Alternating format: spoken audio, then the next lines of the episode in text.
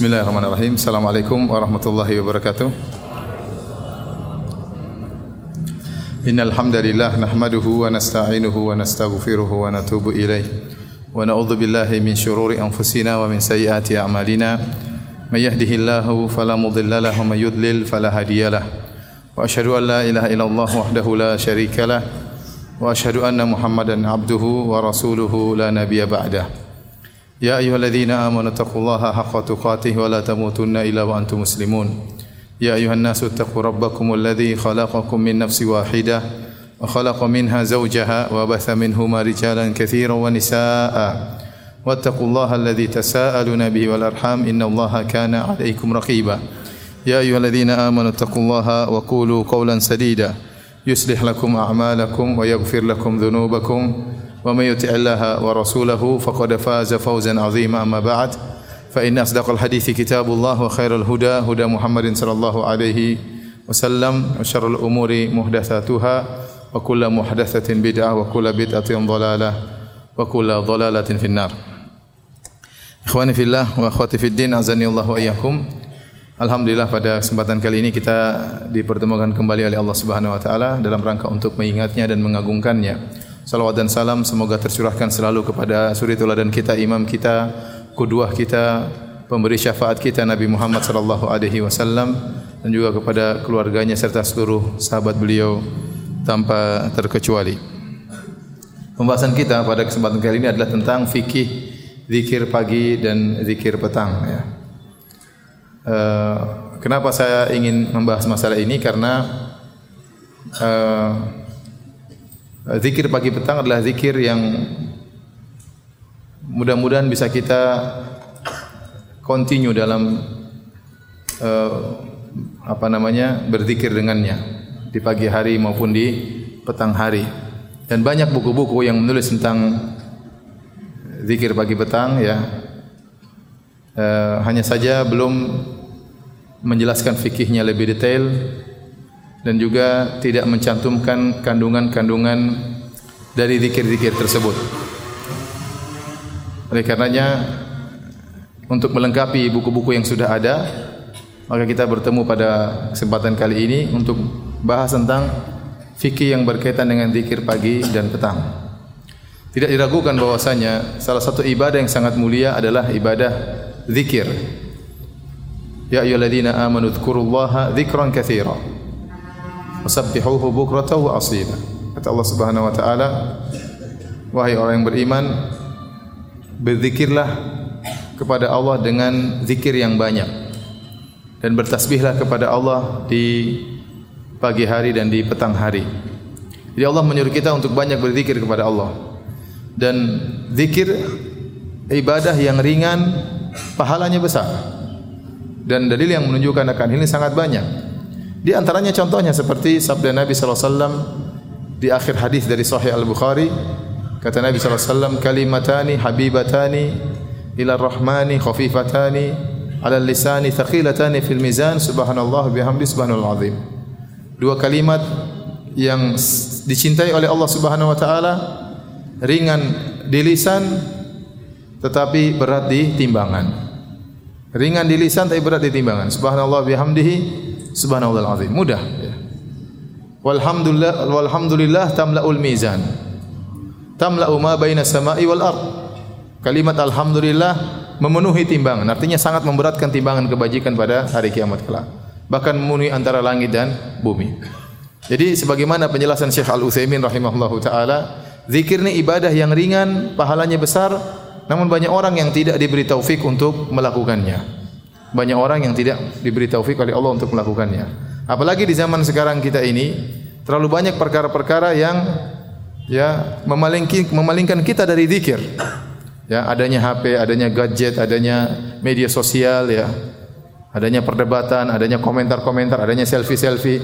Ini semua membuat kita semakin jauh dari mengingat Allah Subhanahu wa taala. Saya masih ingat di di Arab Saudi sering sekali kalau kita lagi ngantri ada tulisan di depan ya imla daqaiqaka daqaiqak bil istighfar. Penuhilah detik-detikmu atau menit-menitmu dengan istighfar ya. Sekarang orang nunggu tidak bosan karena ada gadget ya. Tidak perlu istighfar lagi. Sudah masuk dunia Facebook, masuk dunia Twitter, baca komentar nggak habis-habisnya, baca komentar orang lain dan akhirnya tidak terasa 15 menit berlalu, setengah jam berlalu, satu jam berlalu, dan dia tidak mendapatkan apa-apa. Ya. Belum lagi berita yang dibaca tidak semuanya benar. Banyak informasi yang tidak benar, ada informasi benar juga informasi mengadu domba, menumbuhkan kebencian, ada informasi bermanfaat, ada tapi tidak sebanding dengan waktu yang berlalu yang dia habiskan. Oleh karenanya zikir adalah ibadah yang agung, pahalanya besar, namun tidak semua orang yang bisa melakukannya. Karenanya hadirin dan hadirat yang dirahmati Allah Subhanahu wa taala, kita ingin menghidupkan ibadah zikir ini, ya. Ibadah zikir. Terutama zikir pagi dan zikir uh, petang hari yang mendapat perhatian khusus dalam syariat untuk mengingat Allah tatkala di pagi hari maupun di petang hari. Dan zikir orang yang terbiasa dengan berzikir dia akan merasakan kelezatan. Kalau dia tidak berzikir dia merasa ada sesuatu yang hilang darinya. Oleh karenanya, sebenarnya mengatakan seluruh ibadah di surga tidak dilakukan lagi kecuali zikir. Di ibadah anda sudah tidak solat lagi, anda sudah tidak mungkin tidak puasa lagi. Ya, ngapain puasa? Ada banyak bidadari di sana ya. sudah tidak solat, tidak sujud lagi, tetapi zikir masih terus. Makanya ahlul jannah yulhamuna tasbih wa tahmid. Ya. Para penghuni surga diberi ilham oleh Allah sehingga pembicaraan mereka berisi tasbih, bertasbih kepada Allah, memuji Allah Subhanahu wa taala. Jadi semua ibadah di surga sudah tidak ada lagi kecuali apa? Zikir kepada Allah Subhanahu wa taala. Ini menunjukkan bahwasanya zikir adalah kelezatan. Kelezatan murni, ya. Kelezatan murni. Orang yang terbiasa berzikir, dia akan merasa kehilangan tatkala dia lisannya tidak berzikir kepada Allah Subhanahu wa taala. Alhamdulillah zikir itu mudah. Ya, antum ya lagi naik mobil bisa berzikir, naik motor bisa apa? Berzikir ya. Kalau punya hafal Quran ya bisa hafal Quran, kalau enggak punya hafalan bisa subhanallah, alhamdulillah, wala ilaha illallah, Allahu akbar. Ya bebas ya. Zikir kapan saja diperbolehkan. Tapi hadirin hadirat yang rahmatillah subhanahu wa taala, kita akan bahas tentang uh, fikih zikir pagi petang. Tentunya faedah zikir sangatlah banyak.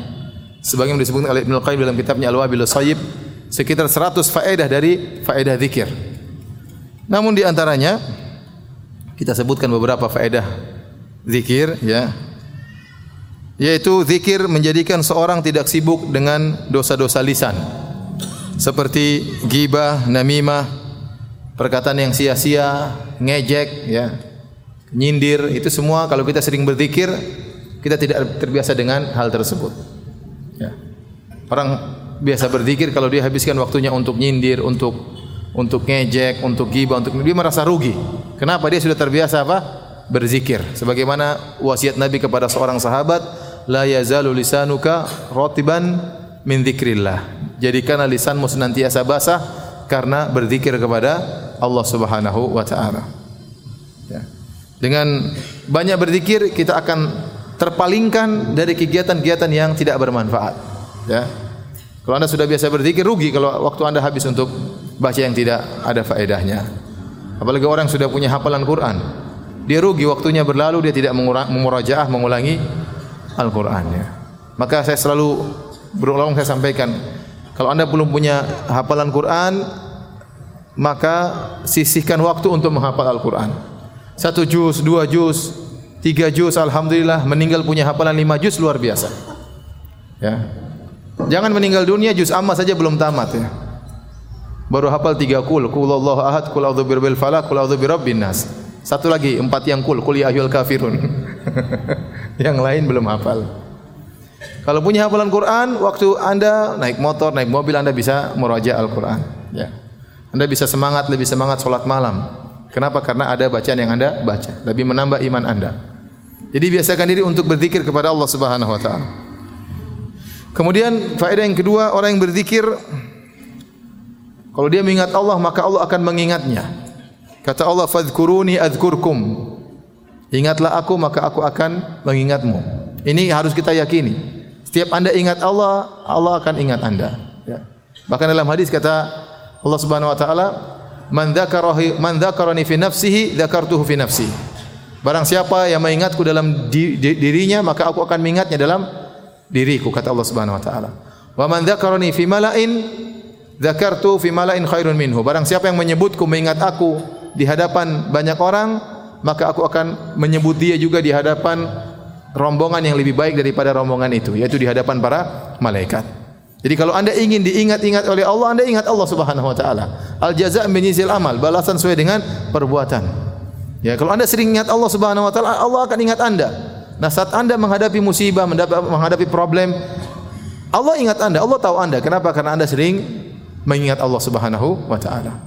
Ya, ada solusi. Allah tawarkan solusi. Allah akan berikan ketenangan. Allah akan berikan ketenteraman. Karenanya di antara faedah zikir adalah ketenangan, ketenangan. Kata Allah Subhanahu wa taala, "Ala bi dzikrillah tatmainnul qulub." Ketahuilah dengan mengingat Allah maka akan tenang hati hati akan menjadi tenteram. Apalagi di zaman sekarang ini, begitu banyak berita yang menakutkan, begitu banyak berita yang mengkhawatirkan, kondisi yang buat orang stres, maka dengan zikir kepada Allah Subhanahu wa taala akan menghilangkan penyakit-penyakit tersebut. Ini benar ya. Orang yang jauh dari mengingat Allah Subhanahu wa taala adalah orang yang menderita. Kata Allah Subhanahu wa taala, "Wa man a'rada an dzikri fa inna lahu ma'isyatan dhanka." Barang siapa yang berpaling dari mengingatku, maka baginya adalah kehidupan yang menyempitkan kehidupan yang menyesakkan ya kehidupan yang menyesakkan mungkin kita melihat dia seakan-akan dia orang paling bahagia karena hartanya banyak ya. Kita melihat dia seakan-akan orang yang paling bahagia tapi kenyataannya dia adalah orang yang menderita. Kenapa dia tidak pernah mengingat Allah Subhanahu wa taala? Ya meskipun hartanya banyak meskipun ya, kekayaannya luar biasa kelihatannya dia ketawa ketiwi namun dia tidak bahagia. Yakinlah orang yang berbahagia adalah orang yang mengingat Allah Subhanahu wa taala. Baik. Di antara faedah zikir zikir terutama zikir pagi petang akan mantapkan akidah seseorang. Nanti antum akan lihat zikir-zikir yang Rasulullah SAW ajarkan di pagi dan petang hari banyak mengandung makna-makna tauhid. Tatkala anda membaca zikir tersebut dengan penghayatan, maka tauhid anda akan semakin mantap. Kita memperbarui terus iman kita. Setiap pagi perbarui iman, setiap petang perbarui apa? Iman kita, ya. Dengan syarat kita membaca zikir tersebut dengan penghayatan. Maka inilah kenapa kita berkumpul pada kesempatan kali ini untuk mempelajari di antaranya fikih zikir pagi petang sekaligus kandungan sebagian dari zikir-zikir tersebut. Oleh karenanya dalam Al-Quran Allah Subhanahu Wa Taala menyuruh Nabi bersabar menghadapi gangguan orang-orang musyrikin dengan mengingat Allah pagi dan petang hari. Contoh firman Allah Subhanahu Wa Taala, "Fasbir ala ma yaqulun." Sabarlah engkau wahai Muhammad atas apa yang mereka katakan tentangmu. Engkau dituduh sebagai orang gila, sebagai Eh, pendusta, sebagai penyihir, sebagai dukun, sebagai pemutus silaturahmi, orang yang keluar dari nenek moyangnya. Dan Nabi tatkala dikata-katain dengan demikian, Nabi merasa sesak. Allah mengatakan dalam ayat yang lain, "Walaqad walaqad na'lamu annaka yadhiqu sadruka bima yaqulun." Sungguh kami tahu bahwasanya dadamu sempit atas apa yang mereka ucapkan. Jadi Nabi juga merasa tersakiti tatkala mereka nuduh Nabi dengan tuduhan yang tidak-tidak. Maka di antara solusinya kata Allah, "Fasbir ala ma yaqulun." Sabarlah. Wasabbih bihamdi rabbika qabla tulu'is syamsi wa qabla ghurubiha. Dan bertasbihlah engkau kepada Allah sebelum terbit matahari dan sebelum terbenam matahari. Yaitu di pagi dan di petang, petang hari. Jadi orang yang terbiasa zikir pagi dan petang, dia lebih mudah untuk bersabar menghadapi ujian hidup ini. Kalau dia seorang dai, dia akan lebih kuat.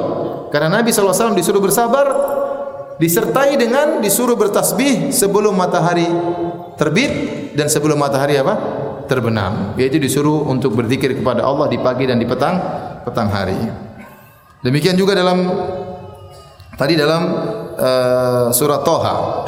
Kemudian juga dalam surat Qaf sama saja. Kata Allah fasbir ala ma yaqulun wasabbi bihamdi rabbika qabla tulu'i syamsi wa qabla al-ghurub bersabarlah atas apa yang mereka ucapkan dan bertasbihlah kepada Allah ya dengan memujinya sebelum matahari terbit dan sebelum matahari tenggelam. Kemudian di antara manfaat zikir pagi petang Zikir pagi petang sebagaimana telah kita singgung dia tidak hanya membawa faedah ukhrawi. Kalau kita zikir pagi petang jelas dapat pahala besar di akhirat. Tapi ternyata faedah duniawi juga tadi membuat ketenangan, mampu bersabar menghadapi apa? ujian dengan zikir pagi petang. Ini faedah dunia, keduniaan. Di antaranya ya menolak bala, menolak bala.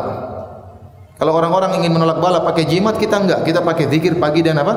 Petang. Oleh karenanya di antara zikir pagi petang, bismillahilladzi la yadhurru ma asmihi syai'un fil ardi wala fis sama. Huwa samiul alim. Ya. Zikir ini yang mengatakan ya dengan nama Allah yang dengan nama tersebut tidak ada yang bisa beri kemudaratan di bumi maupun di di langit. Ini menolak bala. Al-Imam Al-Qurtubi rahimahullah taala pernah mengomentari tentang zikir pagi petang ini. Beliau berkata, "Hada khabarun sahih wa qaulun sadiq.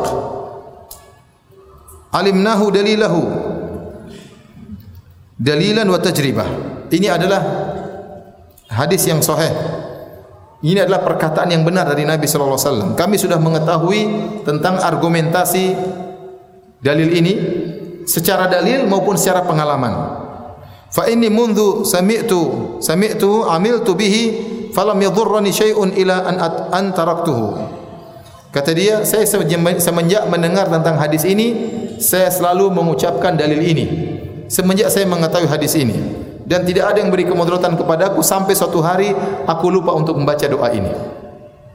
Faladagatni aqrabun bil madinati lailan. Maka suatu hari di kota Madinah malam hari aku disengat oleh uh, apa namanya? Apa ini yang punya skorpion apa namanya? Kala jengking. Kala jengking. Fatafakkartu fa idza ana qad nusitu an ata'awwadh bitilkal kalimat. Saya renungkan kenapa saya disengat kala jengking malam ini. Ternyata saya ingat saya lupa membaca doa zikir pagi pagi petang zikir ini. Oleh karenanya ya kita bisa menolak bala dari diri kita dengan zikir pagi petang. Insyaallah kalau orang rutin baca zikir pagi petang dia tidak akan terkena sihir. Dia tidak akan terkena ain. Betapa banyak orang sakit gara-gara kena ain. Betapa banyak orang disihir oleh dukun ya. Oleh karenanya seorang berusaha bermuadzabah ya berusaha untuk continue dalam uh, membaca zikir pagi petang. Jadi zikir pagi petang manfaatnya bukan manfaat ukhrawi tidak, bahkan Allah memberikan juga manfaat duniawi. Baik. Waktu pagi dan petang adalah waktu yang spesial. Oleh karenanya datang dalam ayat-ayat Allah memotivasi kita untuk berzikir di waktu-waktu tersebut. Ya.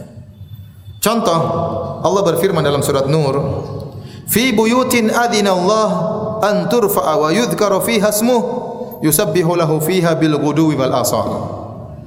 Kata Allah bertasbihlah kepada Allah di masjid-masjid, bertasbihlah kepada Allah di masjid-masjid yang telah diperintahkan masjid tersebut untuk dimuliakan dan disebut nama Allah di dalamnya pada waktu pagi dan waktu petang. Jadi Allah suruh bertasbih di waktu pagi dan di waktu apa? Petang. As-Sa'di rahimahullah mengomentari ayat ini dalam tafsirnya kata beliau khassa hadaini alwaqtaini li syarafihima wa li tayassuri sayri fihima ila Allah wa suhulatihi Allah mengkhususkan dua waktu ini pagi dan petang karena mulianya dua waktu ini. Ini dua waktu yang spesial. Di antaranya kata beliau karena beribadah di waktu pagi dan petang mudah. Seorang belum tersibukkan dengan apa? Kesibukan dunia. Masih di pagi hari awal hari. Ya. Kemudian kalau sore hari sudah pulang dari kesibukan apa? Dunia. Adapun waktu antara pagi dan petang waktunya kita kerja. Masing-masing tenggelam dengan kesibukannya. Makanya di pagi hari adalah awal hari dan di petang hari adalah waktu yang mudah untuk kita beribadah kepada Allah Subhanahu wa taala. Ya. Wa yadkhulu fi dzalika at-tasbihu fi sholati wa ghairiha. Dan termasuk dalam mengagungkan Allah atau mengingat Allah di waktu pagi dan petang adalah bertasbih kepada Allah dalam solat maupun di luar solat. Walihada kata beliau karenanya syuriat adkarus sabahi wal masai wa auradihima inda sabahi wal masa. Karenanya disyariatkanlah zikir pagi petang dan wirid-wirid pagi dan petang. Beliau menjelaskan tentang kenapa Allah dalam Al-Quran banyak mengkhususkan dua waktu ini pagi dan petang karena dua waktu ini waktu yang mulia, dua waktu yang mudah seorang untuk mengingat Allah Subhanahu Wa Taala Karenanya disyariatkannya zikir pagi dan petang. Contohnya lagi Allah berfirman, "Ya ayyuhalladzina amanu dzkurullaha dzikran katsira."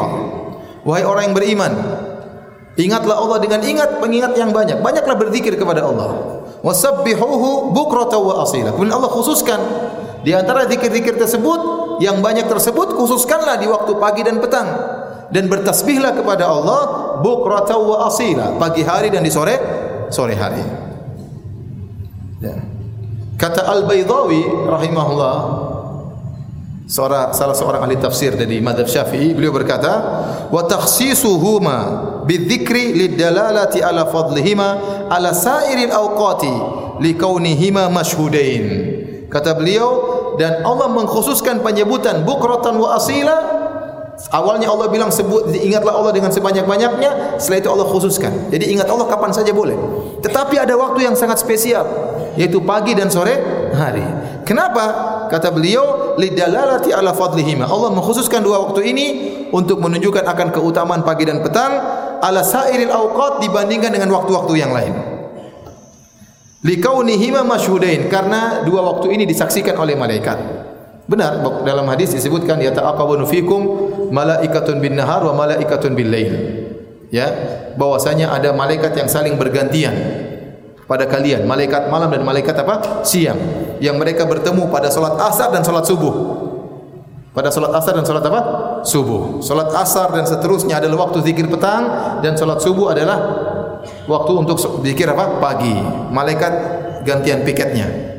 Gantian piketnya kata beliau dua waktu ini masyhudain karena dua waktu ini disaksikan oleh malaikat yang tugasnya untuk mengawasi kita. Taib. Seperti ayat yang lain juga wasabbih bihamdi rabbika bil asyi wal ibkar. Bertasbihlah seraya muji Rabbmu pada waktu pagi dan pada waktu petang. Allah juga berfirman, Subhanallahi fa subhanallahi hina tumsuna wa hina tusbihun. Bertasbihlah kepada Allah Subhanahu wa taala tatkala di petang hari dan tatkala di pagi di pagi hari. Taib, pertanyaan berikutnya, fikih berikutnya. Kapan mulai awal kita boleh berzikir pagi dan kapan akhirnya dan kapan mulai boleh kita berzikir petang dan kapan akhirnya. Kalau kita kembali secara bahasa, secara bahasa, apa yang dimaksud dengan pagi, sobah, dan apa yang dimaksud dengan petang? Ternyata, kalau kita kembali kepada sisi bahasa, maka al-masa atau al-imsa, yaitu artinya petang, al-masa atau al-imsa, yang artinya petang ternyata para ahli bahasa memiliki dua pendapat tentang kapan waktu al-masa kapan waktu petang ini. Al-Khalid bin Al-Khalil bin Ahmad Al-Farahidi yang wafat pada tahun 170 Hijriah ahli bahasa dia punya kitabnya Kitabul Ain semacam kamus ya tahun 170 Hijriah dia menjelaskan al-masa petang itu ba'da dhuhri ila salatil maghrib. Petang itu dimulai dari ba'da duhur sampai salat apa? Maghrib. Wa qala ba'dun dan sebagian ahli bahasa berkata ila nisfil lail sampai tengah malam. Jadi ada pendapat sebagian ulama bahasa mengatakan bahasa secara al-masa petang secara bahasa dimulai dari setelah zuhur sampai maghrib. Ada yang mengatakan berlanjut sampai tengah malam. Jadi dua pendapat. Yang pertama dari duhur sampai terbenam matahari, yang kedua dari duhur sampai tengah tengah malam. Demikian juga as-sabah. As-sabah juga ada dua pendapat pagi. Kapan waktu pagi juga ada dua pendapat di kalangan bahasa. Yang pertama dari terbit fajar sampai menjelang zuhur. Terbit fajar sampai menjelang zuhur. Yang kedua dari tengah malam sampai menjelang zuhur dari tengah malam sampai menjelang zuhur. Al Khalil bin Ahmad Al Farahidi juga berkata dalam Kitabul Ain beliau berkata as-subuh was sabahu huma awwalun nahar. Subuh atau as-sabah itu maknanya adalah di awal siang. Di awal siang. Ini itu pendapat yang uh, pertama ya uh, kata beliau as-subuh ya adalah awalun nahar. Jadi pendapat dari terbit fajar sampai menjelang zuhur. Ulama lain yang berkata seperti Afrayumi beliau berkata As-subuh al-fajr was-sabah mithluhu wa huwa awwalun nahar. Subuh itu adalah awal dari siang. Was-sabahu aidan khilaful masa. Dan sabah juga adalah lawan dari petang, lawan dari petang. Qala Ibnu al-Jawaliqi as-sabahu indal Arab min nisfil lail al-akhir ila az-zawal. Kata seorang ahli bahasa yang bernama Ibnu al-Jawaliqi dia berkata subuh atau pagi menurut orang Arab dari tengah malam sampai Zuhur. Adapun al-masa petang dari setelah zuhur sampai tengah tengah malam. Karena as-sabah dan al-masa ada perbedaan di kalangan para ahli bahasa, maka demikian pula menentukan kapan mulai waktu zikir pagi dan kapan akhirnya dan kapan mulai waktu zikir petang kapan akhirnya juga ada khilaf di kalangan para ulama. Saya akan sebutkan pendapat ulama. Adapun Zikir pagi ada tiga pendapat di kalangan para ulama. Ada yang mengatakan dimulai dari terbit subuh, terbit fajar, azan subuh. Dan berakhir tatkala terbit matahari. Kalau matahari sudah terbit sudah selesai. Tidak ada lagi zikir pagi. Ini pendapat dipilih oleh Ibnu Qayyim rahimahullahu taala. Jadi kata beliau zikir pagi dimulai dari terbit fajar sampai apa? Terbit matahari. Kalau matahari sudah terbit sudah bukan waktu zikir pagi. Pendapat kedua mengatakan zikir pagi dimulai dari terbit fajar sampai menjelang azan zuhur. Sampai menjelang azan zuhur. Ini pendapat dipilih oleh Lajnah Daimah. MUI-nya Arab Saudi. MUI-nya Arab Saudi ya.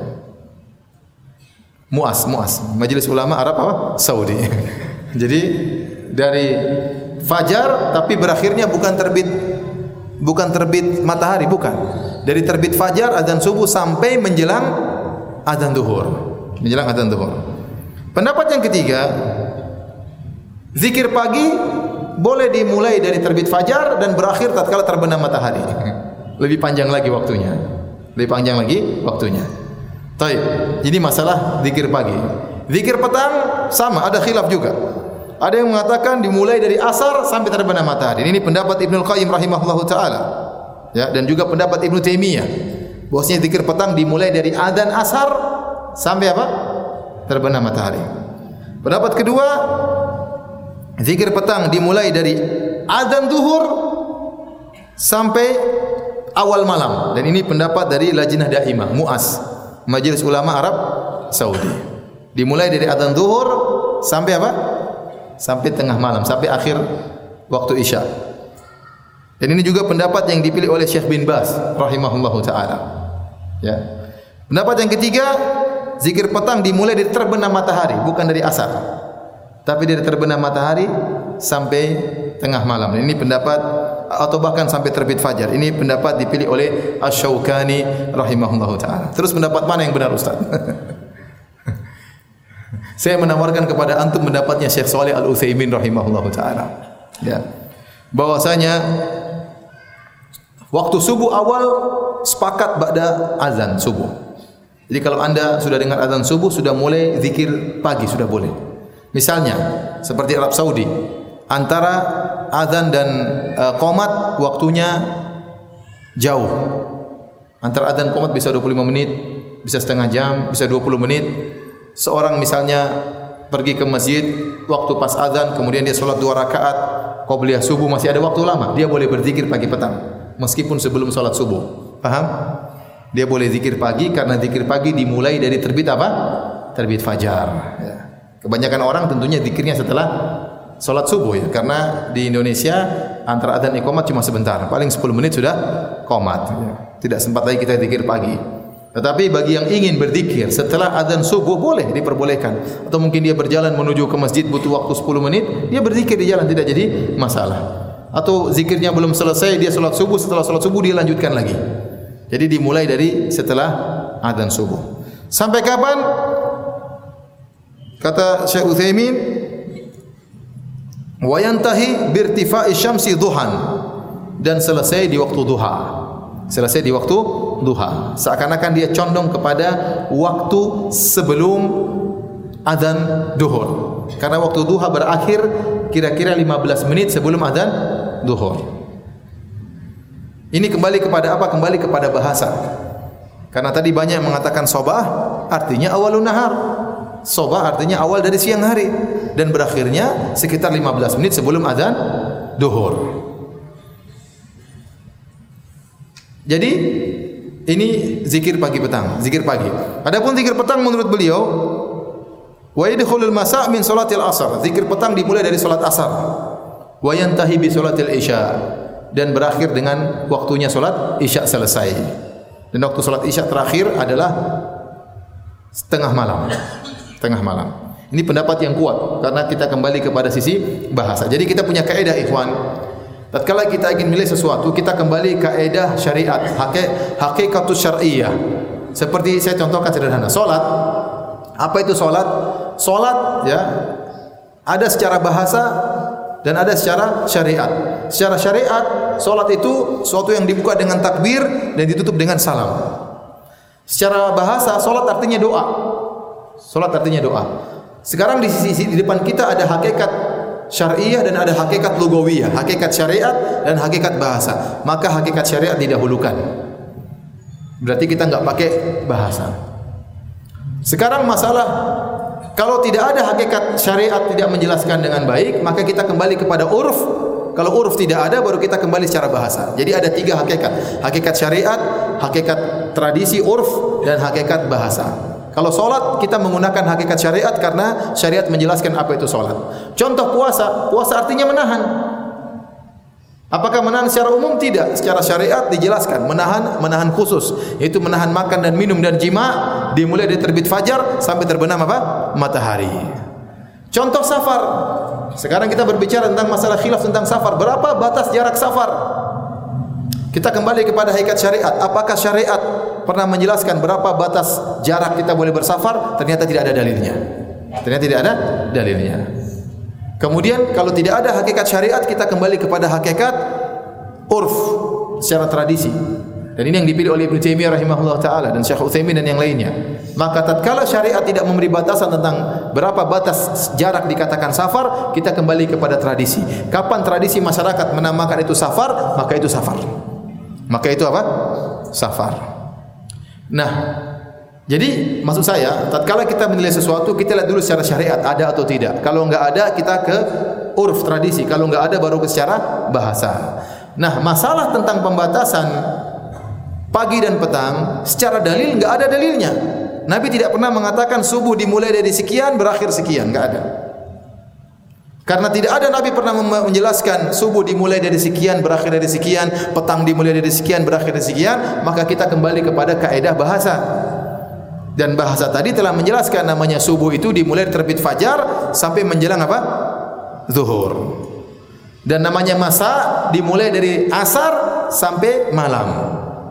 Dan ini pendapat yang kuat. Ini pendapat yang kuat. Dan condong kepadanya lajnah ada imah. Ya, muas. Ya. Majelis Ulama Arab Saudi. Dari sini ikhwani fillah wa aktifidin azani Allah yang hati-hati anda berzikir pagi dimulai dari terbit fajar sampai sebelum terbit matahari. Lebih hati-hati. Lebih didahulukan lebih bagus. Kenapa semakin anda berlindung kepada Allah semakin cepat maka lindungan semakin cepat datang. Faham? Saya ulangi, waktu yang paling tepat adalah setelah terbit fajar sampai sebelum ter terbit mata matahari. Tetapi kalau ternyata anda lupa, baru ingat saya belum zikir pagi, ingatnya jam 8, zikir aja enggak jadi masalah. Kalau ingatnya setelah solat duhur ya sudah selesai lewat.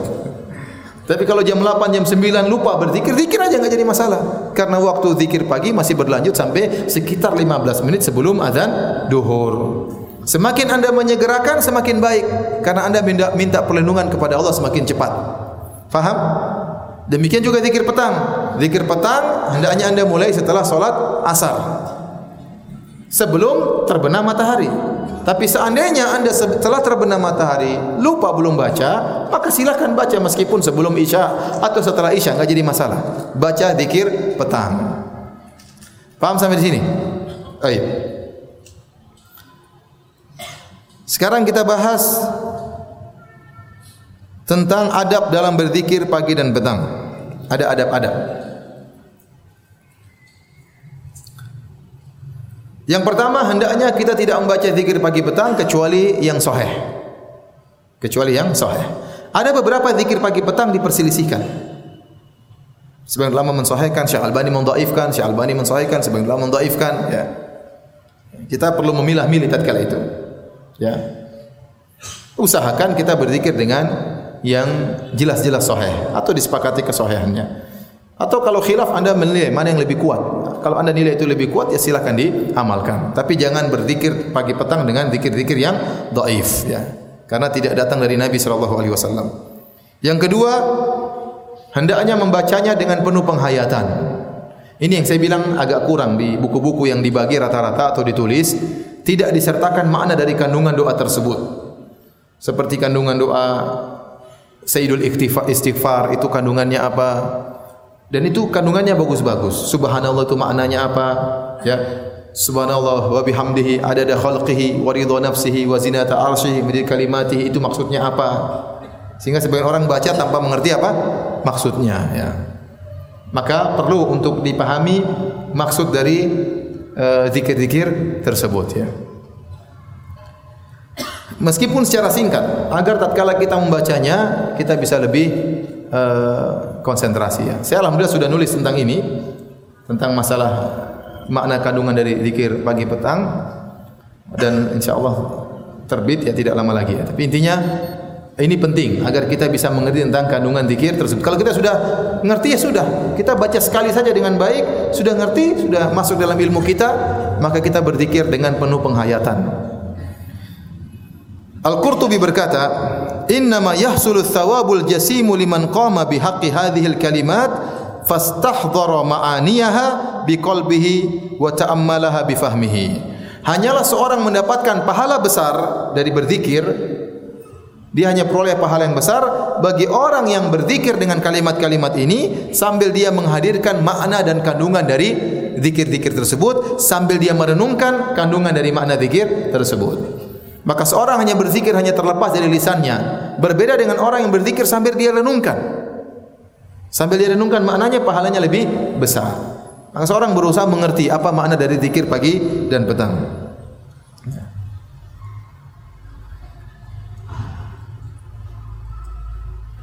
Baik, oleh karenanya ada perkataan indah dari Syekh Muhammad Mukhtar Asy-Shinqiti rahimahullah. Ya, beliau berkata, Madum tatakra'ul adhkar fa abshir bi kulli khair. Selama engkau kebiasaanmu adalah membaca zikir-zikir di antaranya zikir pagi petang, maka bergembiralah. Hatta wala asabatka musibatun, meskipun kau terkena musibah. Fa inna Allah yukhrijuka min dhiqiha wa balaiha wa karbiha bimathaqil hasanat lati lam takhtur ala balik. Maka kalau kau terjebak dalam musibah, sementara kau suka berzikir kepada Allah di, antaranya zikir pagi petang, maka Allah akan keluarkan kau dari kesulitan musibah tersebut. Karena begitu banyak pahala yang kau raih dengan zikir-zikir yang selalu kau lantunkan. Ma hafadha abdun alal adhkar illa syarah Allah sadru. Kata beliau tidak ada seorang pun yang senantiasa kontinu berzikir kepada Allah kecuali Allah akan lapangkan dadanya. Wallahi alladhi la ilaha illahu la tajidu ahadan makruban wala mankuban wala dhaqat alaihi dunya bihumumihi wa humumi ahlihi wa waladihi wa lazimal adhkar sabah wal masa illa la ja'ala Allahu lahu min baini atbaqid dunya farajan wa makhrajan. Kata beliau demi Allah yang tidak ada sembahan yang berhak disembah kecuali Allah. Tidak kau mendapati seorang pun dalam terkena musibah dalam kondisi kesulitan dunia terasa sempit baginya disibukkan dengan urusan dirinya, urusan istrinya, urusan anak-anaknya, kebutuhan istrinya, kebutuhan anak-anaknya. Tetapi dia senantiasa melazimi zikir pagi dan zikir petang, kecuali Allah akan memberikan dia jalan keluar dan solusi. Jadi kalau orang sudah biasa berzikir, zikir, terbiasa berzikir, zikir pagi dan petang, insya Allah masalah bisa dia hadapi dengan baik. Taib, kita lanjutkan. Seorang berusaha berzikir, dengan menghadirkan dalam dirinya bahwasanya dia butuh dengan Allah Subhanahu wa taala. Bukan hanya sekedar dia ucapkan. Karena banyak dari zikir-zikir tersebut isinya doa. Isinya sanjungan dan doa. Maka seakan-akan dia berdoa kepada Allah Subhanahu wa taala. Dan doa butuh kehadiran hati.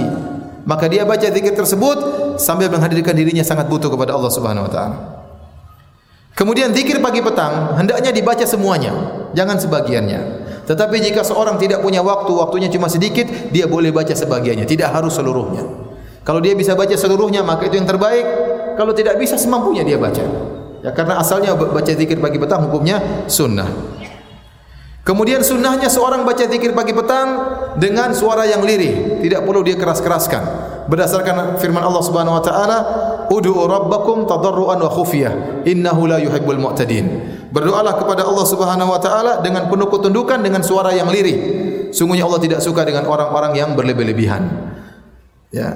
Dari sini kita tahu zikir pagi petang tidak disyariatkan berjamaah, tidak perlu berjamaah rame-rame membaca zikir apa? Pagi petang. Tidak pernah dicontohkan oleh Nabi dan tidak pernah dicontohkan oleh para sahabat. Masing-masing berzikir sendiri-sendiri. Ustaz saya tidak bisa, maka saya perlu diajari. Enggak apa-apa. Berjemaah sesekali untuk diajari.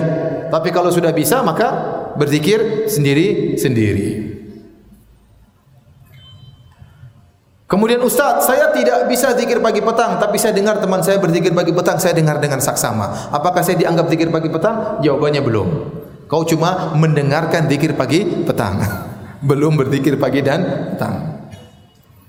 Kemudian tidak disyariatkan berzikir pagi petang dengan mengangkat tangan. Meskipun di antara zikir-zikir tersebut ada isinya doa. Kenapa? Karena Nabi tidak pernah berzikir pagi petang dengan mengangkat apa? Tangan. Maka meskipun isinya doa, tetap saja kita berzikir dengan zikir biasa. Tidak harus berzikir pagi petang dalam kondisi suci. Benar kalau anda berwudu berzikir pagi petang lebih afdal. Tetapi kalau anda tidak berwudu maka tidak jadi masalah. Bahkan dalam kondisi junub boleh berzikir pagi dan petang. Karena dalam hadis Aisyah berkata, "Kana Nabi sallallahu alaihi wasallam yadhkurullaha ala kulli ahyanihi." Rasulullah sallam berzikir kepada Allah dalam segala kondisinya kata Aisyah dalam segala kondisinya berarti umum baik dalam kondisi bersuci atau dalam kondisi apa junub beliau senantiasa berzikir kepada Allah Subhanahu wa taala hanya saja khilaf di kalangan para ulama kalau zikir tersebut ada ayat-ayat Al-Qur'annya. Contoh di antara zikir pagi petang ada ayat kursi. Ada kul huwallahu ahad. Ada kul a'udzu birabbil falaq. Ada kul a'udzu birabbin nas. Apakah orang yang junub boleh berzikir pagi petang dengan membaca ayat-ayat Al-Qur'an tersebut Maka ini ada khilaf di kalangan para ulama. Adapun yang bukan ayat-ayat Al-Qur'an maka tidak mengapa meskipun junub. Seperti bismillahilladzi la yadhurru fil. Ini boleh dalam kondisi apa? Junub. A'udzu bikalimatillahi tammati. Ya, dan seterusnya ini juga boleh baca dalam kondisi junub karena bukan ayat Al-Qur'an. Yang khilaf di kalangan para ulama, tatkala kita junub, kita ingin zikir pagi, zikir pagi petang, boleh enggak baca ayat kursi? Bolehkah baca kul huwallahu ahad tiga kali, kul a'udzu birabbil falaq tiga kali, kul a'udzu birabbin nas tiga kali? Maka ada khilaf di kalangan para ulama. Ya. Adapun mazhab Malikiyah berpendapat boleh. Mazhab Malikiyah berpendapat boleh karena mereka mengatakan anda membaca ayat-ayat ini bukan dalam rangka tilawah. Yang dilarang adalah membaca Al-Quran, bertilawah Al-Quran dalam kondisi junub. Tetapi anda membaca ayat-ayat ini dalam dalam rangka untuk berzikir, untuk wirid aja. Sebagai zikir pagi petang bukan dalam rangka untuk bertilawah, maka anda tidak buka dengan A'udzubillahi minasyaitonirrajim, Bismillahirrahmanirrahim, Allahu la ilaha illa huwal hayyul qayyum. Karena anda tidak sedang bertilawah. Faham? Anda tidak buka dengan auzubillahi minasyaitonirrajim. Ini pendapat Malikiyah. Pendapat sebagian ulama mengatakan tidak boleh. Selama itu ayat Al-Qur'an, maka tidak boleh. Hmm. Jadi yang lebih hati-hati lebih hati-hati untuk ayat Al-Quran tidak usah dibaca tatkala junub. Yang lebih hati-hati. Tapi kalau ada yang baca kita katakan ada khilaf di kalangan para para ulama. Taib uh, azan Isya nanti kita lanjutkan lagi insyaallah taala. Bismillahirrahmanirrahim. Assalamualaikum warahmatullahi wabarakatuh. Alhamdulillah salatu wassalamu ala Rasulillah wa ala alihi wa sahbihi wa Kita lanjutkan sedikit lagi tentang fikih zikir pagi dan petang. Jadi telah kita jelaskan bahwasanya orang dalam kondisi tidak bersuci dalam kondisi junub boleh berzikir pagi dan petang kecuali membaca ayat kursi kul wallahu ahad kul adzbir falaq kul adzbir rabbin nas makin ada khilaf di kalangan para ulama. Karena dia termasuk ayat kan Rasulullah SAW melarang orang junub baca Al-Quran ada hadisnya. Maka sebagian ulama seperti ulama Malikiyah berpendapat boleh meskipun junub boleh baca ayat kursi tiga kul. Kenapa? Karena bacaannya bukan niatnya untuk baca tilawah. Maka tidak dibaca dibuka dengan auzubillahi minasyaitonirrajim tetapi kita baca sebagai zikir. Ya kebetulan zikir tersebut berbentuk ayat-ayat Al-Qur'an ya maka tidak mengapa. Ini pendapat ulama Malikiyah. Sebagian ulama mengatakan tidak boleh karena itu termasuk dari uh, ayat-ayat Al-Qur'an maka tidak boleh dibaca dengan uh, dalam kondisi junub. Yang lebih hati-hati kita tidak membacanya tatkala kondisi apa? junub. Tapi kalau ada yang baca maka ini masalah khilafiyah tidak bisa kita ingkari karena sisi pendalilannya juga kuat. Kemudian berikutnya uh, kalau kita baca zikir pagi petang terkadang ditulis dalam buku-buku maka tidak mesti berurutan, tidak mesti berurutan, tidak mesti yang pertama ini, kedua ini tidak. Yang penting kita semuanya baca, semuanya kebaca. Mana di luar tidak jadi masalah. Kemudian yang terakhir kalau kita sudah selesai dari zikir pagi maupun zikir petang dan kita masih ingin berzikir lagi maka boleh berzikir bebas tanpa jumlah tertentu. Mau bertasbih bebas berapa saja, bertahlil bebas berapa saja, bertakbir bebas berapa saja, bertahmid bebas berapa saja, bersolawat kepada Nabi bebas berapa saja, ya la haula wala quwata illa billah bebas berapa saja, terserah. Dan di antara zikir yang afdal adalah baca Al-Qur'an. Baca Al-Qur'an. Jadi zikir-zikir pagi petang yang rutin yang sebagaimana diajarkan oleh Nabi SAW Kalau kita sudah selesai kita boleh baca Quran Boleh berzikir yang lainnya terserah tanpa bilangan ter tertentu. Baik hadirin hadirat yang dirahmati Allah Subhanahu wa taala itulah ya fikih tentang zikir pagi uh, dan petang. Baik. Uh, pada kesempatan kali ini saya ingin menyampaikan beberapa contoh zikir ya sambil saya menjelaskan maknanya sambil saya menjelaskan maknanya Contoh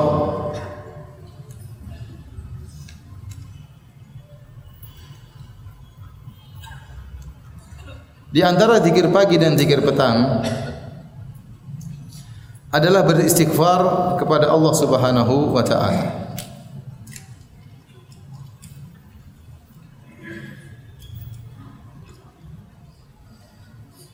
Dalam hadis Rasulullah SAW pernah bersabda, ma asbahtu godatan qat illa astaghfartu Allah fiha mi'ata marrah tidaklah aku di pagi hari kecuali aku beristighfar kepada Allah seratus kali. Ada hadis umum Rasulullah SAW mengatakan ya ini saya sungguhnya saya beristighfar kepada Allah setiap hari 70 kali. Dalam riwayat setiap hari 100 kali ya. Dalam hadis yang lain ini menjadi zikir pagi Rasulullah sallallahu alaihi wasallam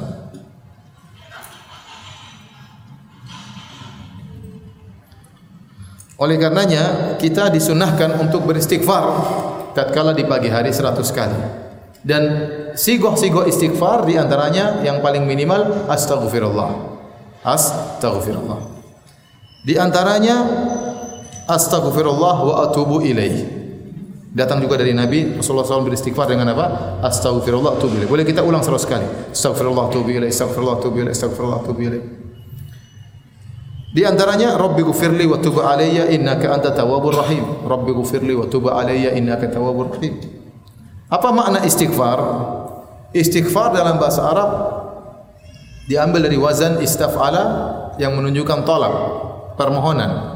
Dan istighfara itu adalah talabul maghfirah, mohon maghfirah. Dan al-maghfirah diambil dari kalimat mikfar. Mikfar itu adalah penutup kepala yang digunakan oleh seorang prajurit yang memiliki dua fungsi penutup kepala tersebut. Biasanya dari besi. Biasanya dari apa? Besi atau dari logam. Fungsinya untuk menutup kepala, siter, menutup kepala. Dan yang kedua fungsi untuk al-wiqayah. Untuk mencegah kalau ada pedang yang mengenai kepalanya. Jadi dia memiliki dua fungsi. Fungsinya untuk menutup dan kedua untuk melindungi. Menutup dan untuk melindungi. Tidak semua penutup kepala dalam bahasa Arab namanya mikfar sebagaimana dijelaskan oleh Ibnu Qayyim rahimahullah taala. Contoh songkok.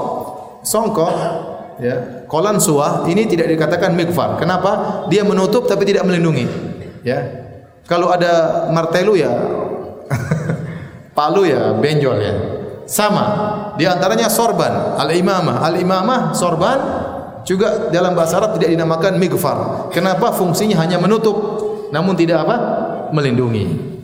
Adapun al-mighfar, helm yang dipakai oleh prajurit itu memiliki dua fungsi, menutup dan melindungi.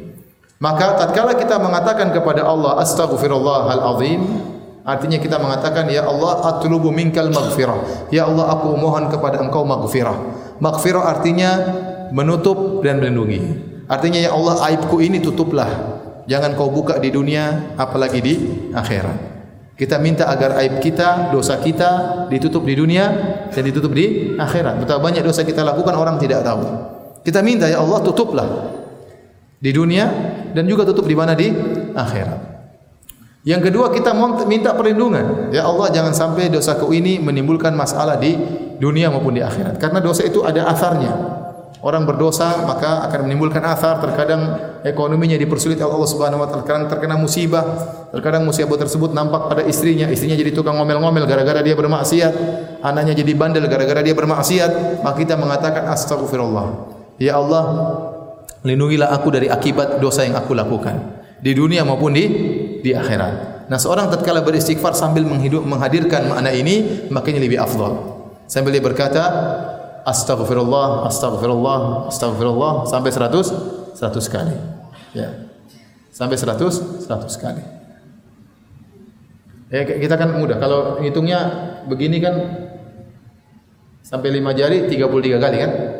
Astagfirullah. 1 2 3 4 5 6 7 8, 9, 10, 11, 12, 13, 14, 15, 16, 17, 18, 19, 20, 21, 22, 23, 24, 25, 26, 27, 28, 29, 30, 31, 32, 33. Kalau kita ulangi tiga kali sudah 99. Tinggal tambah satu jadi berapa? 100. Ini untuk mempermudah apa? Menghitung ya. Orang menghitung boleh. Astagfirullah, astagfirullah, astagfirullah. Tapi terkadang salah hitung. Ini sudah berapa kali? Paham? Ada yang tiga-tiga, subhanallah. Tiga-tiga. Ya, tapi kadang-kadang bingung juga sudah program. Di antara cara menghitung yang mudah tadi yang saya yang saya sebutkan tadi ya. Jadi luas-luas jadi bolak-balik 33 ya. Di antara zikirnya ya Rabbi ghfirli wa tub alayya innaka tawwabur rahim. Ya ya Rabbku ampunilah aku wa tub alayya. Apa ini maksud dengan tub alayya? Tub alayya ada beberapa makna disebutkan oleh para ulama Di antaranya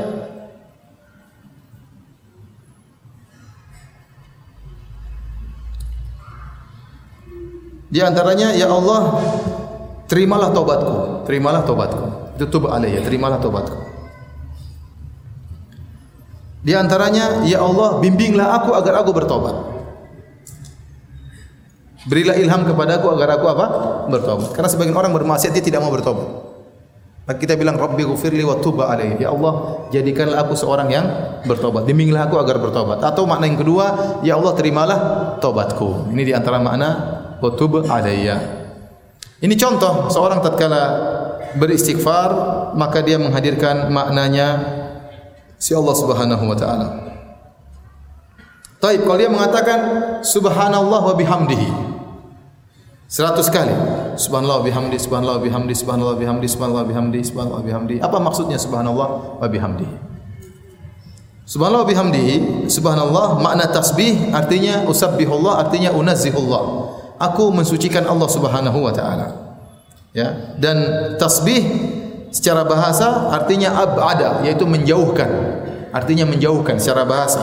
Antum bisa lihat dalam kitab Mu'jam Maqaisil Lughah karangan Ibnu Faris ya, Tasbih artinya abada ibad yaitu menjauhkan. Apa maksudnya?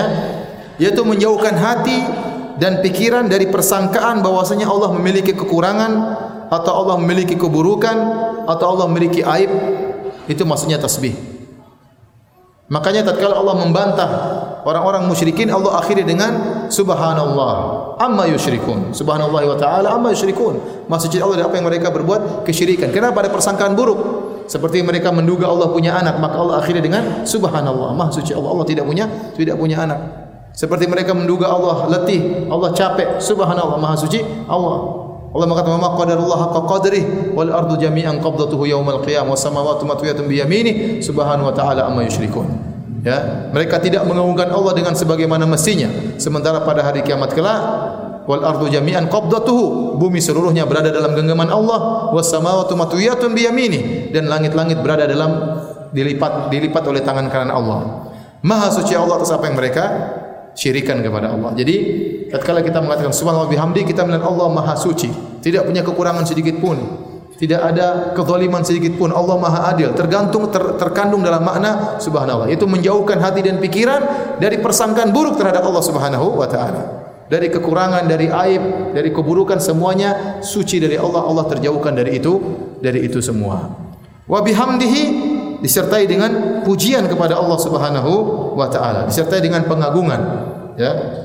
Jadi at-tasbih mensucikan Allah dari segala keburukan dan kekurangan melazimkan ta'zim melazimkan pengagungan. Apalagi disertai dengan wa bihamdihi memuji Allah atas segala ya ketinggian sifat-sifat Allah Subhanahu kenapa kita puji Allah? Kita puji Allah dari karena dua perkara. Perkara pertama karena sifat-sifat Allah yang maha tinggi pantas untuk dipuji Allah maha kuasa Allah maha adil Allah maha hikmah Allah maha indah semuanya banyak sifat-sifat Allah yang sangat mulia menyebabkan kita memuji orang ini. Memuji apa? Allah Subhanahu wa taala. Sebab yang kedua karena betapa banyak nikmat yang kita rasakan dari Allah Subhanahu wa taala. Sebagaimana kita memuji orang, kita memuji orang karena dua hal. Terkadang kita puji orang tersebut meskipun orang tersebut tidak pernah baik sama kita. Tapi kita bilang orang itu Masya Allah tampannya, orang itu gagahnya, orang itu beraninya. Kenapa? Dia memiliki sifat-sifat yang mulia. Terkadang kita puji orang kenapa? Karena dia suka traktir kita makan bakso gratisan. Orang ini Masya Allah saya sering ditraktir gratis ya, sering dibantu, ya kita puji dia. Demikian tatkala kita muji Allah juga dari dua sisi. Pertama dari sisi sifat-sifatnya yang maha tinggi, maha sempurna, tidak ada kurangan sedikit pun. Yang kedua adalah karena betapa banyak nikmat yang Allah berikan kepada kita, tiada henti-hentinya. Tapi lanjut apa sudah? Ya, sisanya baca sendiri nanti di bukunya ya. Ini sekedar contoh saja. Saya ingin motivasi antum tatkala berzikir hendaknya merenungkan kandungannya sehingga tatkala berzikir benar-benar kita renungkan maknanya kita hayati dan manfaatnya insyaallah lebih lebih afdal. Wallahu taala bisawab. Selanjutnya kita buka tanya jawab. Ustaz bagaimana hukumnya berzikir dengan menggunakan tasbih? Yang benar tasbih adalah alat bukan ritual Meskipun sebagian ulama berpendapat tasbih adalah bid'ah, contohnya Al-Albani rahimahullahu taala, tetapi ulama yang lain membolehkan, seperti Fauzan dan yang lainnya membolehkan. Dan ini pendapat yang lebih kuat bahwasanya boleh karena tasbih tersebut hanyalah sebagai alat bukan ritual, bukan ritual ya. Seorang boleh menggunakan tangannya untuk bertasbih, seorang boleh menggunakan alat yang 1 2 3 4 5 6, seorang boleh pakai apa? Tasbih ya Ini hanya sekedar alat. Tetapi yang lebih afdal bertasbih dengan apa? Dengan jari. Kata Nabi SAW, فَإِنَّهُنَّ مُسْتَنْتَقَاتٌ يَوْمَ الْقِيَامَةِ Sungguhnya jari-jari ini akan dibuat berbicara oleh Allah pada hari kiamat. Menjadi saksi bahawasanya kita bertasbih. Dan kalau orang bawaannya selalu pakai tasbih, kalau enggak bawa tasbih dia enggak berzikir. Ya. Tapi kalau orang bawaannya bawa jari, dia tinggal gini-gini aja. Terus Kalaupun berzikir dengan tasbih, maka ingat itu sebagai alat bukan sebagai ritual. Kalau dianggap sebagai ritual maka terjerumus dalam bid'ah. Contoh, merasa kalau dengan tasbih lebih afdal. Apalagi sebagian orang tasbihnya diinapkan di kuburan wali fulan. Ini kejadian. Ada yang menitip kak bayar sekian untuk diinapkan di kuburan wali fulan sehingga tasbihnya menjadi apa? Afdal. Ada yang jual tasbih dengan mahal. Katanya ini tasbih dari kapal Nabi Nuh. Kurang ajal kapal Nabi Nuh dirusak jadikan tasbih. Ada seperti itu. Ya. Terus tasbih yang penting bisa buat gitu, enggak usah besar-besar. Ada tasbih yang besar-besar begini, besar-besar. Saya pernah lihat tasbih besar-besar. Saya bilang, Mbak, ada yang lebih besar? Enggak, ini yang terbesar katanya. Besar-besar gimana tasbihnya? Subhanallah, subhanallah, subhanallah. Ini buat begini bisa masukin kantong keluar musik gitu. Masuk tasbih kecil-kecil aja. Yang penting ringkalan 100 misalnya ya. Penting 100 untuk itu. Enggak jadi masalah untuk mempermudah apa? Menghitung. Jadi ingat kalau pakai tasbih jangan riak. Jangan apa? Riak dan jangan niru-niru para biksu Buddha ya. Kemudian pakai di apa? Di kalung enggak. Jadi tasbih itu hanya sekedar alat. Ya, jangan dijadikan apa? Ritual. Kalau dijadikan ritual maka terjerumus dalam bid'ah. Tapi hanya sebagai alat hitung maka enggak jadi masalah. Ustaz bagaimana cara mendapatkan ilmu ikhlas? Apakah bisa dengan berzikir? Ya di antara uh, zikir nanti kalau antum baca zikir pagi petang isinya banyak tauhidnya. La ilaha illallah. Antum renungkan maknanya. Antum dalam solat saja kita mengatakan iyyaka na'budu wa iyyaka nasta'in. Ya Allah hanya kepada engkau aku beribadah. Ini membantu kita untuk ikhlas Kita ingat bahwasanya hanya kepada Allah kita beribadah. Kita solat bukan untuk pujian manusia, kita berhaji bukan untuk pujian manusia, kita berdakwah untuk bukan disanjung manusia, kita belajar ilmu supaya bukan supaya dikatakan orang alim, tidak. Tapi kita beribadah hanya untuk Allah. Jadi dalam solat pun kita bisa teringat akan ikhlas. Di antaranya dalam zikir pagi petang. Dalam zikir pagi petang nanti ada zikir-zikir yang menyungguh kita, menegur kita untuk ikhlas kepada Allah Subhanahu wa taala. Ustaz, bolehkah kita mengakikahkan orang tua kita sendiri? Akikah itu kewajiban berkaitan dengan orang tua, bukan berkaitan dengan apa? Anak, bukan berkaitan dengan anak. Tapi benar ada ulama yang bolehkan siapapun mengakikahkan enggak jadi masalah. Tapi pendapat yang kuat bahwasanya akikah itu adalah kewajiban apa? Orang tua buat anak, bukan anak kepada orang orang tua.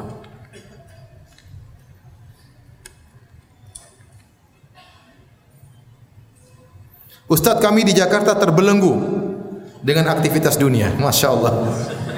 Berbelenggu. Lepas belenggunya. Di waktu afdal pagi berangkat kerja dan petang pulang kerja sehingga membaca zikir sambil berkendaraan dan kadang hitungannya tidak tepat sehingga anda lebihkan. Enggak jadi masalah. Enggak jadi masalah ya. Jadi kita baca subhanallah 100 kali itu minimal lebih juga boleh enggak jadi masalah. Kita baca la ilaha illallah 100 kali itu minimal lebih apa namanya 100 lebih dari itu juga enggak jadi masalah. Nanti Rasulullah SAW sebutkan dalam hadisnya ya tidak jadi masalah. Ini Nawawi mengatakan lebih dari itu tidak jadi masalah. Ya. Kalau bawa tasbih, insya Allah lebih mudah.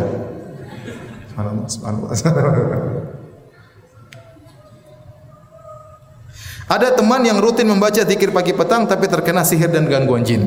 Ya, ya kita bilang ini kan namanya usaha. Namanya usaha. Kita bilang banyak yang baca tidak terkena gangguan jin apa? Ya, jadi orang mungkin diuji, mungkin dia punya kesalahan yang lain, mungkin dia punya maksiat yang lain, atau mungkin dia orang baik tapi diuji oleh Allah Subhanahu wa taala. Nabi wasallam pernah disihir, apalagi yang kurang dari Nabi wasallam. Nabi wasallam pernah disihir dalam Sahih Bukhari, ya. Sehingga dia dibayangkan mendatangi istrinya, ternyata dia tidak mendatangi apa? Istrinya, hanya disihir. Disihir oleh seorang laki apa? Yahudi. Ya, seorang bisa saja diuji oleh Allah Subhanahu wa taala. Ustaz saya sudah zikir zikir pagi petang tapi saya ketabrak motor. Ya alhamdulillah kalau ente tidak zikir ketabrak trek ente. Jadi ya kita berusaha. Allah sudah takdirkan mau zikir pagi petang mau apa tetap aja kena musibah. Mungkin anda punya maksiat supaya dikurangi dosa-dosanya. Ya.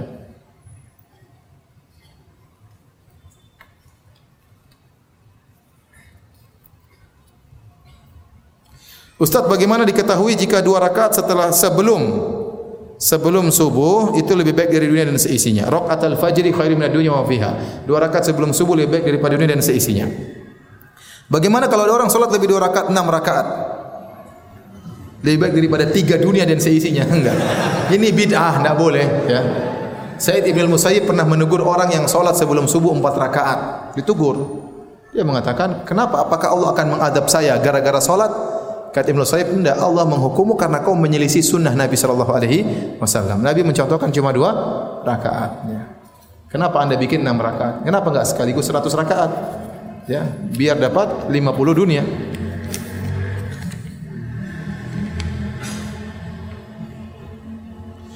Ustaz bagaimana kalau subhanallah alhamdulillah Allah akbar disambung aja di masalah subhanallah alhamdulillah wa la ilaha illallah akbar wala haula wala quwata illa billah enggak jadi masalah disambung enggak jadi masalah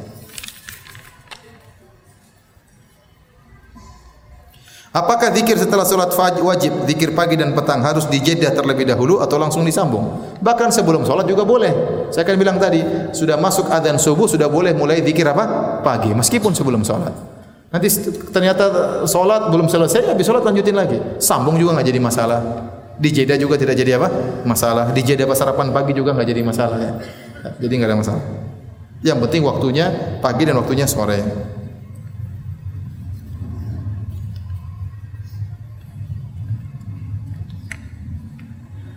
Zikir pada solat diakhiri dengan ayat kursi, surat Al-Ikhlas, surat Al-Falaq dan surat An-Nas. Sedangkan zikir pagi petang diawali ayat kursi, ayat Al-Ikhlas dan An-Nas. Apakah bacaan surat tersebut dibaca berulang atau cukup satu kali tatkala solat sekaligus zikir? Saya bilang diulang lebih baik. Diulang lebih baik karena dalil tentang zikir Nabi sendiri, dalil tentang zikir pagi petang juga apa? Sendiri. Ya, dibaca dengan setelah solat sudah cukup, tapi kalau mau diulang saya rasa lebih lebih baik ya, lebih baik.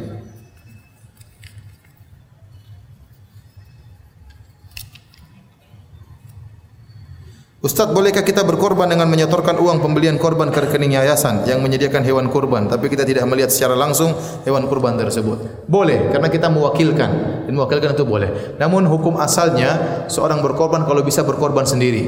Kalau bisa berkorban depan rumahnya. Kenapa? Karena korban itu adalah salah satu syiar ibadah yang ditampakkan. Seperti solat berjamaah kita tampakkan, demikian juga korban. Jangan korban diam-diam di belakang di dapur, enggak ya?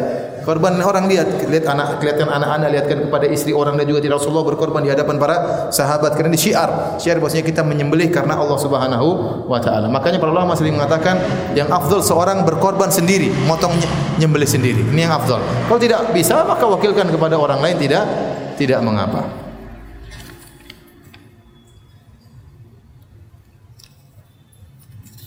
Ustaz, zikir apa yang dibaca agar dimudahkan dapat jodoh? Istighfar, istighfar. istighfar. Istighfar itu kunci segala sesuatu. Salat malam, salat malam berdoa kepada Allah Subhanahu wa taala. Tunjukkan kehinaan di hadapan Allah karena kita berdoa perlu menunjukkan kerendahan kita. Ya Allah, wajah saya pas-pasan. Jangan pas-pasan. Kita bilang, "Ya Allah, saya sudah melamar berapa kali ditolak. Duit kurang ya Allah." Tunjukkan ke kerendahan kita. Ya jangan ada sok di hadapan Allah. Tunjukkan kerendahan kita, berkeluh kesah kepada Allah, curhat kepada Allah. Setiap solat malam kita berdoa, insya Allah dimudahkan jodoh. Ya. Insya Allah dimudahkan jodoh. Nanti ada akhwat yang mau, ya Allah kok yang begini modelnya yang mau sama saya. ya ente berdoa kepada Allah, ya Allah berikan saya istri yang menyenangkan, menjaga, yang membantu saya beriman kepadamu dan menyejukkan pandanganku. Sudah Allah mau kasih yang mana saja, yang penting insya Allah baik. Ya. Minta kepada Allah.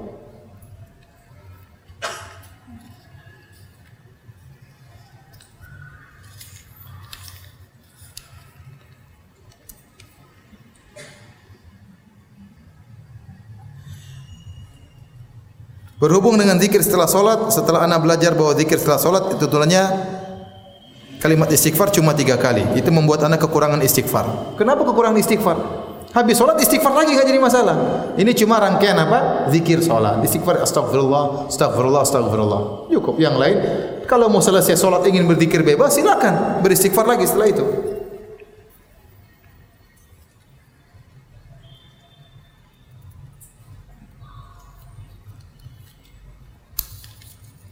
Saya mau bertanya tentang hadis subhanallah bihamdi ada khalqi wa ridha nafsi wa zinata arsi wa kalimati. Hadis ini sahih. Boleh zikir pagi. Boleh zikir pagi dibaca tiga kali.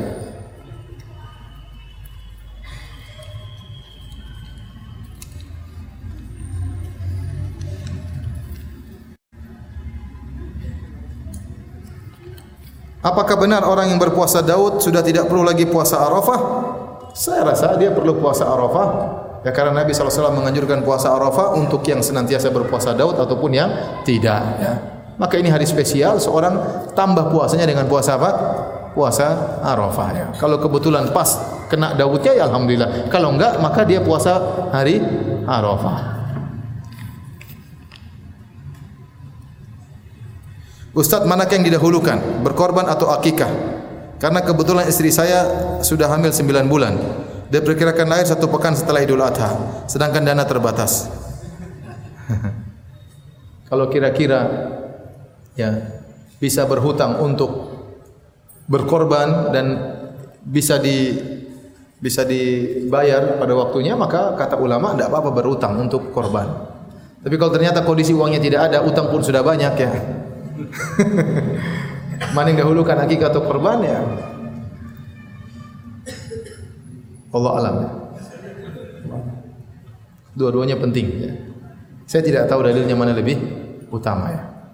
Tetapi kalau dari sisi nanti anaknya tanya, ayah sudah akikah saya belum? Mending akikah saja. Mending akikah saja. Sekarang-akan kita ada tanggungan buat siapa?